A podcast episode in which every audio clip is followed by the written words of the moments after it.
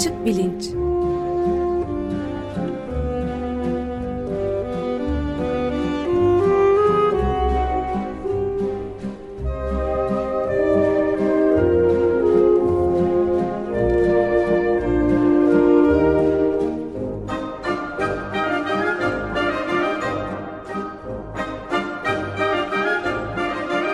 Güven Güzeldere ile bilim ve felsefe sohbetleri. Günaydın Güven Bey, merhabalar. Günaydın Ömer Bey. Günaydın. Günaydın Özdeş. Bugün Açık Bilinç'te Profesör Güneş Ekin'le görüşüyoruz. Siz sunumunu yapar mısınız? Evet tabii Profesör Güneş Ekin Atilla Gökçümen.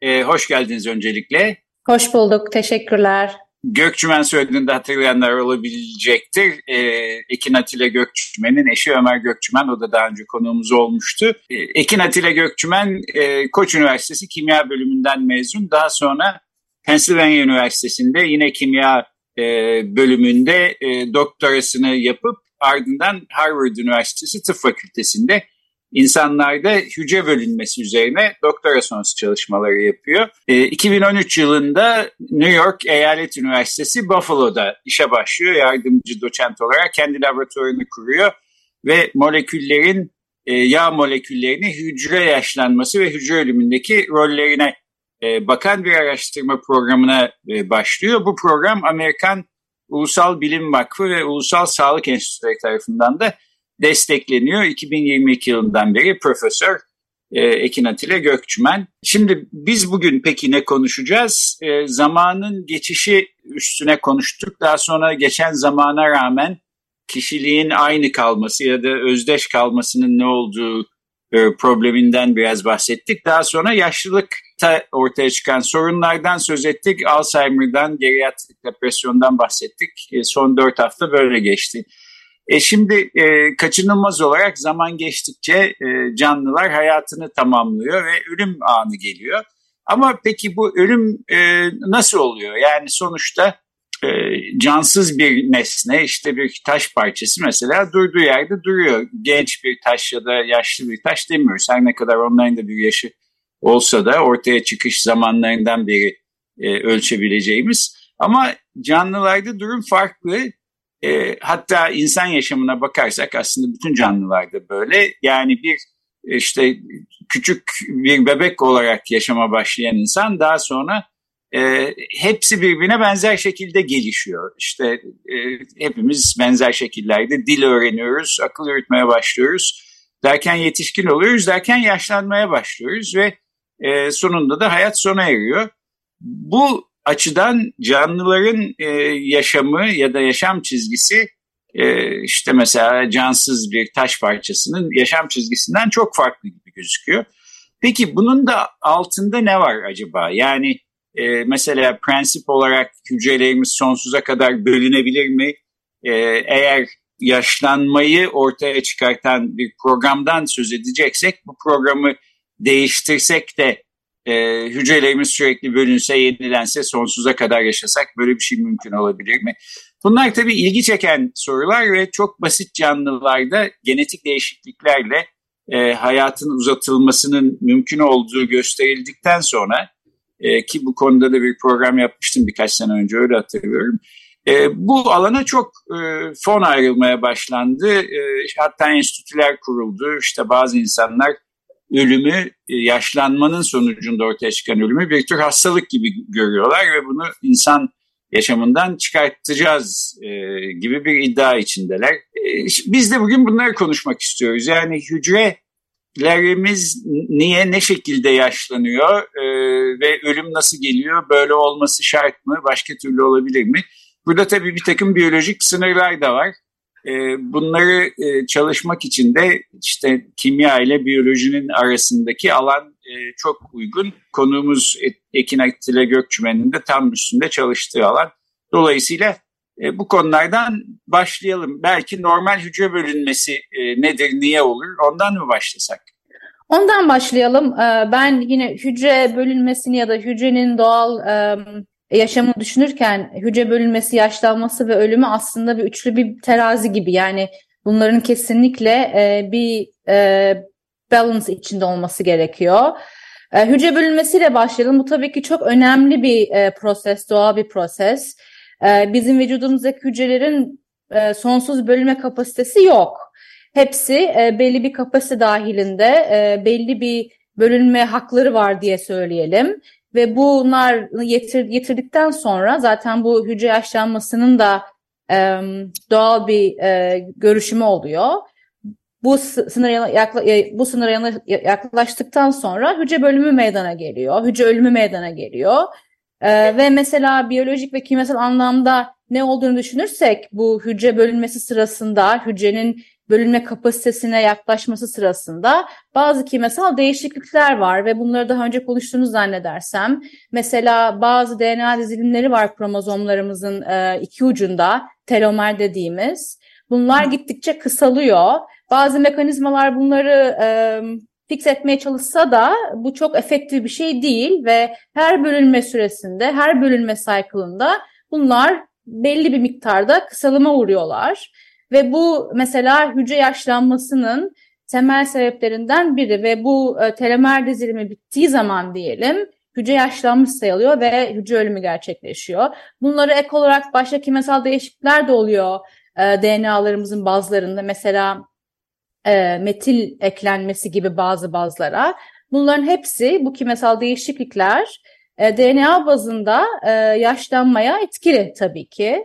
Buna ek olarak hücre ölümünden bahsedersek eğer fizyolojik ve de patolojik diye biz bunları ikiye ayırıyoruz aslında. Sizin bahsettiğiniz fizyolojik e, hücre ölümü yaşlanmaya sebep olan ama tabii buna ek olarak bir sürü hastalıklarda ya zamansız, yersiz hücre ölümüyle gerçekleşebiliyor. Mesela özellikle nöro, nörodejeneratif hastalıklar sizin de bahsettiğiniz gibi e, beyindeki hücrelerimizin e, belli sebeplerden dolayı kimyasal ya da çevresel olabilir mesela e, ölmesiyle sonuçlanıyor.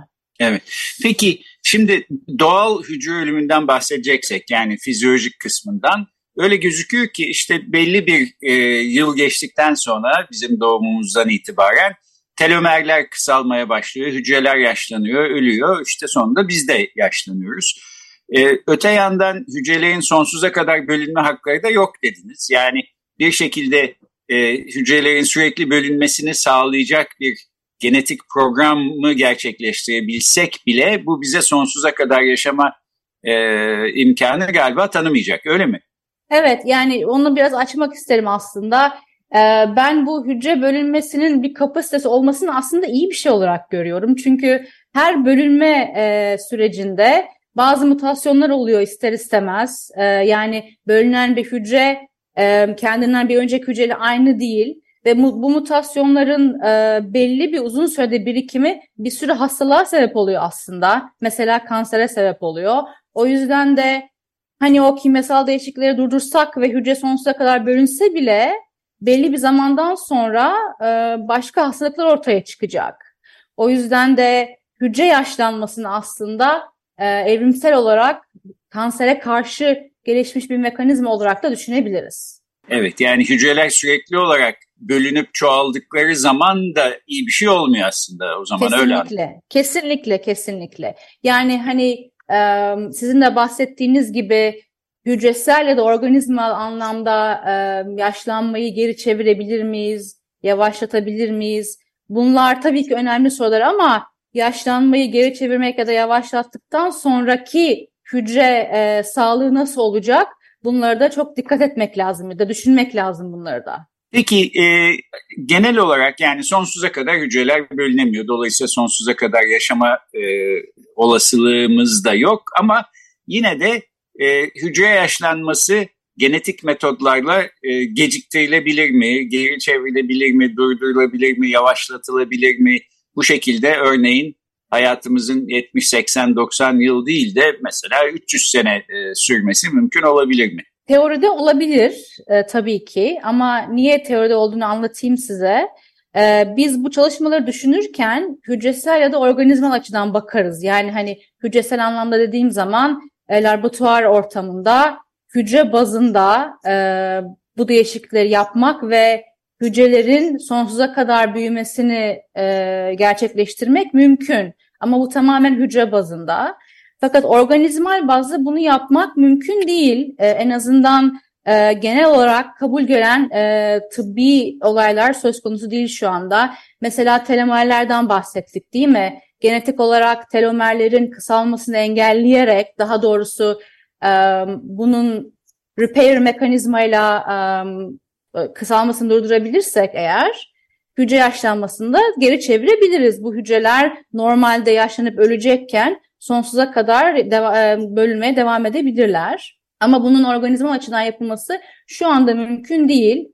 Ee, yeni bir makale basıldı mesela e, bir Harvard'da çalışan bir araştırma grubu tarafından. Farede bakmışlar böyle şeylere.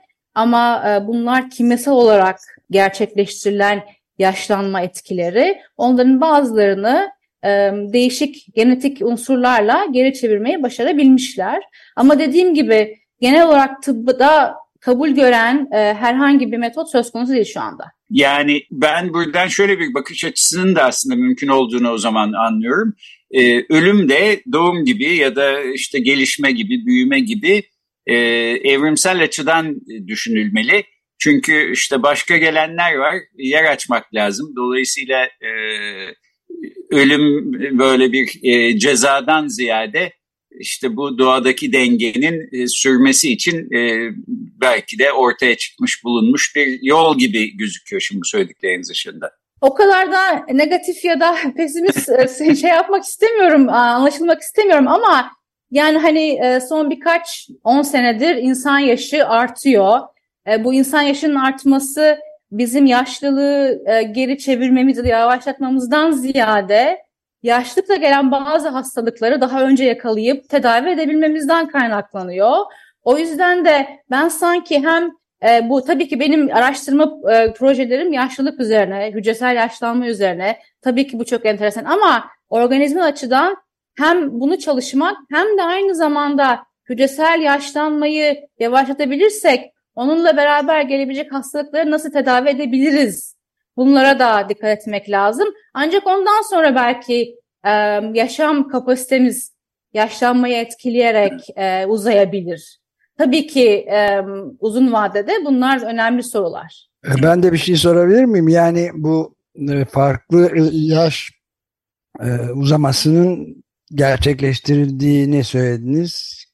Kesinlikle doğru ama nerede olduğu da ayrıca önemli. Yani e, yoksul kesiminde dünyanın yaş ortalaması gayet e, vahim bir şekilde Kesinlikle. düşüyor. Öyle bir fark var. Bir de ben şeyi sormak istiyorum. Yani e, özellikle e, Bill McKibben'ın Falter e, diye bir, ilginç bir kitabı vardı birkaç sene önce çıkan e, Has the Human Game Begun to Play Itself Out diye. Orada e, bu özellikle şeylerin bu e, hücrelerin ölümü meselesini eninde sonunda erteletebilecek ve ölüme çare bulunacağına kesinlikle inanan çok önemli bazı e, insan grupları olduğunu bunların da aralarında en çok e, şeylerin bulunduğunu söylüyordu işte. En büyük dijital teknolojilerin yaratıcıları olan kişiler yani. Bizzat ölümün kendisi de bir çeşit çözülecek bir sorundur diye. Mesela Ray Kurzweil'ın Google'ın işte başında olduğu ya da onun patronu Sergey Brin'in işte Peter Thiel gibi e, venture capitalist dedikleri hı hı. insanların tamamen bunlarla e, uğraşmakta olduğunu e, söylüyorlar ve hatta şey de diyordu Bill McKibben biraz da hafifçe dalga geçerek onlarla işte Marx biraz e, Groucho Marx'ın I intend to live forever or die trying.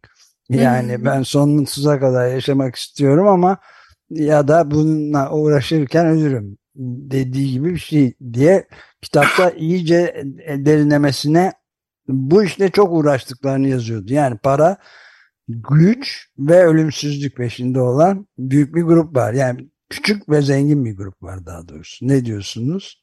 Aslında ben de yani sonsuza kadar yaşamak isterim tabii ki. E, zaten dediğim gibi araştırma programım da bunu e, deneyerek, bunu çalışarak you know, yaşamak e, e, üzerine. Dediğim gibi hücresel bazda bunları yapmak mümkün, bunlara erişmek mümkün. Genetik olarak bazı değişiklikler yapılabilir. hücrelerin dediğim gibi bölünme kapasitelerini artırmak açısından ama bunları organizmal açıdan yapmamız şu anda mümkün değil. Bu tip terapiler insanlarda deneniyor. E, farklı hastalıkları e, iyileştirmek için de deneniyor. Ama e, başarılı sonuçlar vermiş durumda değil şu an. Tabii ki ilerlemeler var. Tabii ki bundan 20, 30, 40 sene sonra insanlarda yapılabilir bunlar ama şu anda ne yazık ki mümkün değil.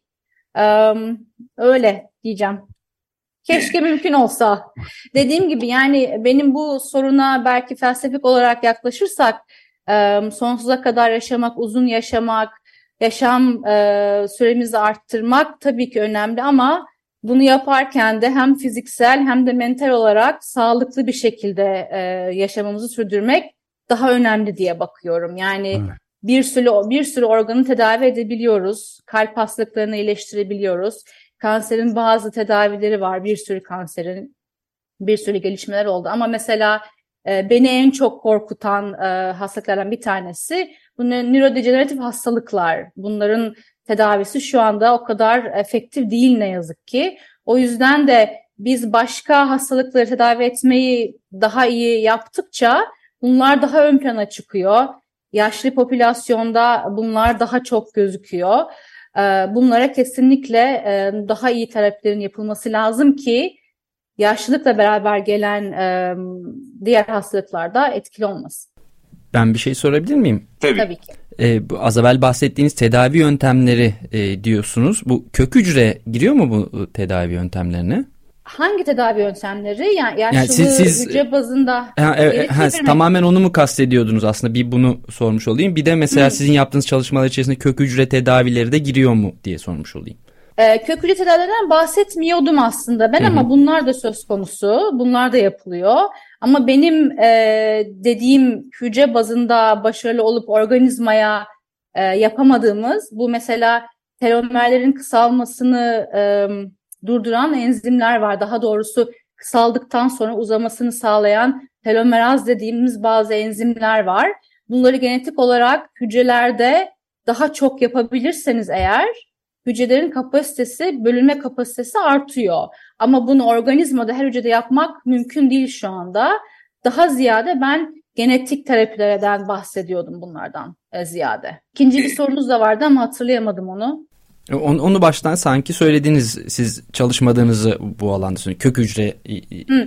Kök hücre alanında ben çalışmıyorum. Benim Hı. kendi çalışmalarım daha ziyade e, hücreler yaşlanırken bir sürü değişiklik oluyor moleküler ve biyolo e, biyolojik olarak e, moleküler ve de e, hücre bazında ve de bazı malzemeler salgılıyorlar etraflarına. Bunlar etraftaki hücreleri de e, daha yüksek bir enflamatuar hale getiriyor. Benim esas araştırma konum hücreler yaşlanırken ne tip molekülleri salgılıyorlar ve bu moleküller etraftaki hücrelerimizi nasıl etkiliyor?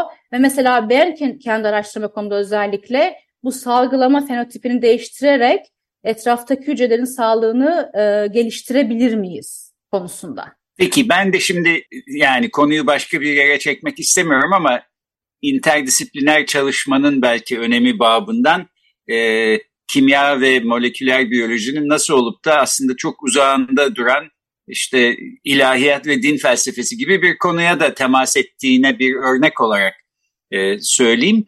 Şimdi e, yani tek tanrılı dinlerde işte bir ahiret kavramı var. Ahirette sonsuza kadar yaşayacağız. Yani dünyadaki hayatımız sonuna ama ben din felsefesi dersi verirken genellikle dersin başlarında öğrencilere yani bir işte bilim insanı bir hap e, icat etmiş olsa bunu yutsanız ve sonsuza kadar yaşayacağınız garanti olsa ister misiniz diye soruyordum. Hemen her öğrenci isterim diyordu. Ben de ilk başlarda isterim diye düşünüyordum. Çünkü yani insan 100 sene sonra ne olduğunu, ne olacağını merak ediyor. Dünya sona ermediyse ya da 200 sene sonra işte 100 sene önce bugünün hayatı e, hayal edilemez bir hayattı filan. Fakat e, bir çıkış olmaması yani sonsuza kadar yaşamak demek gerçekten sonsuza kadar hiçbir zaman bitmeyecek bir yaşam sürmek demek. Bu aslında e, kolay bir şey değil, hoş da bir şey değil. İnsan biraz düşünce belki yani ben en azından istemekten vazgeçtim o kadarını söyleyeyim.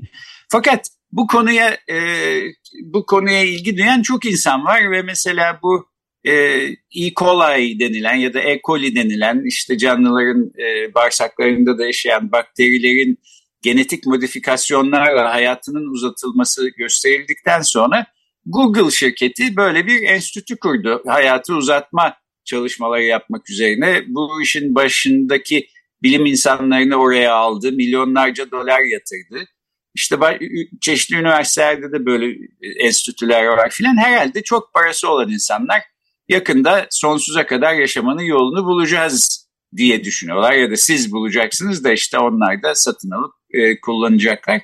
Ama benim anladığım bu kısa dönemde pek e, ümit edilebilir ya da beklenebilir bir gelişme değil sanki. E, doğru mu anlıyorum? Yani sonsuza kadar yaşamak ihtimali.